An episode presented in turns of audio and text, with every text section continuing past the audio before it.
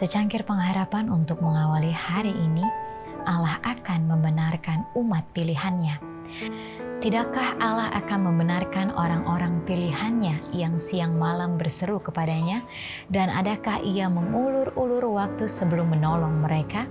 Lukas 18 ayat 7 dalam segala zaman, Allah telah bekerja melalui malaikat-malaikat yang suci untuk menolong dan melepaskan umatnya makhluk-makhluk surgawi itu telah mengambil bagian yang aktif dalam permasalahan manusia. Mereka tampak berpakaian jubah yang bersinar bagaikan kilat. Mereka datang sebagai manusia dalam pakaian jubah musafir. Malaikat-malaikat telah tampak dalam bentuk manusia kepada umat Allah. Mereka beristirahat di bawah pohon pada waktu tengah hari, seperti orang yang sudah letih mereka menerima keramah tamahan manusia.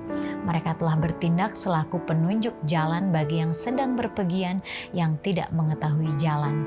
Mereka telah menyalakan api dengan tangannya sendiri di atas mesbah. Mereka telah membuka pintu-pintu penjara dan membebaskan hamba-hamba Tuhan. Dengan berpakaian perang surga, mereka datang menggulingkan batu dari kuburan juru selamat. Juru selamat yang mulia akan mengirimkan pertolongan bila mana kita memerlukannya. Jalan menuju surga dikuduskan oleh jejak-jejak kakinya. Setiap duri yang melukai kaki kita telah melukai kakinya. Setiap salib yang ditanggungkannya kepada kita telah ditanggungnya di hadapan kita Tuhan mengizinkan pertentangan-pertentangan untuk menyediakan jiwa-jiwa bagi kedamaian. Waktu kesesakan adalah cobaan berat yang menakutkan bagi umat Allah.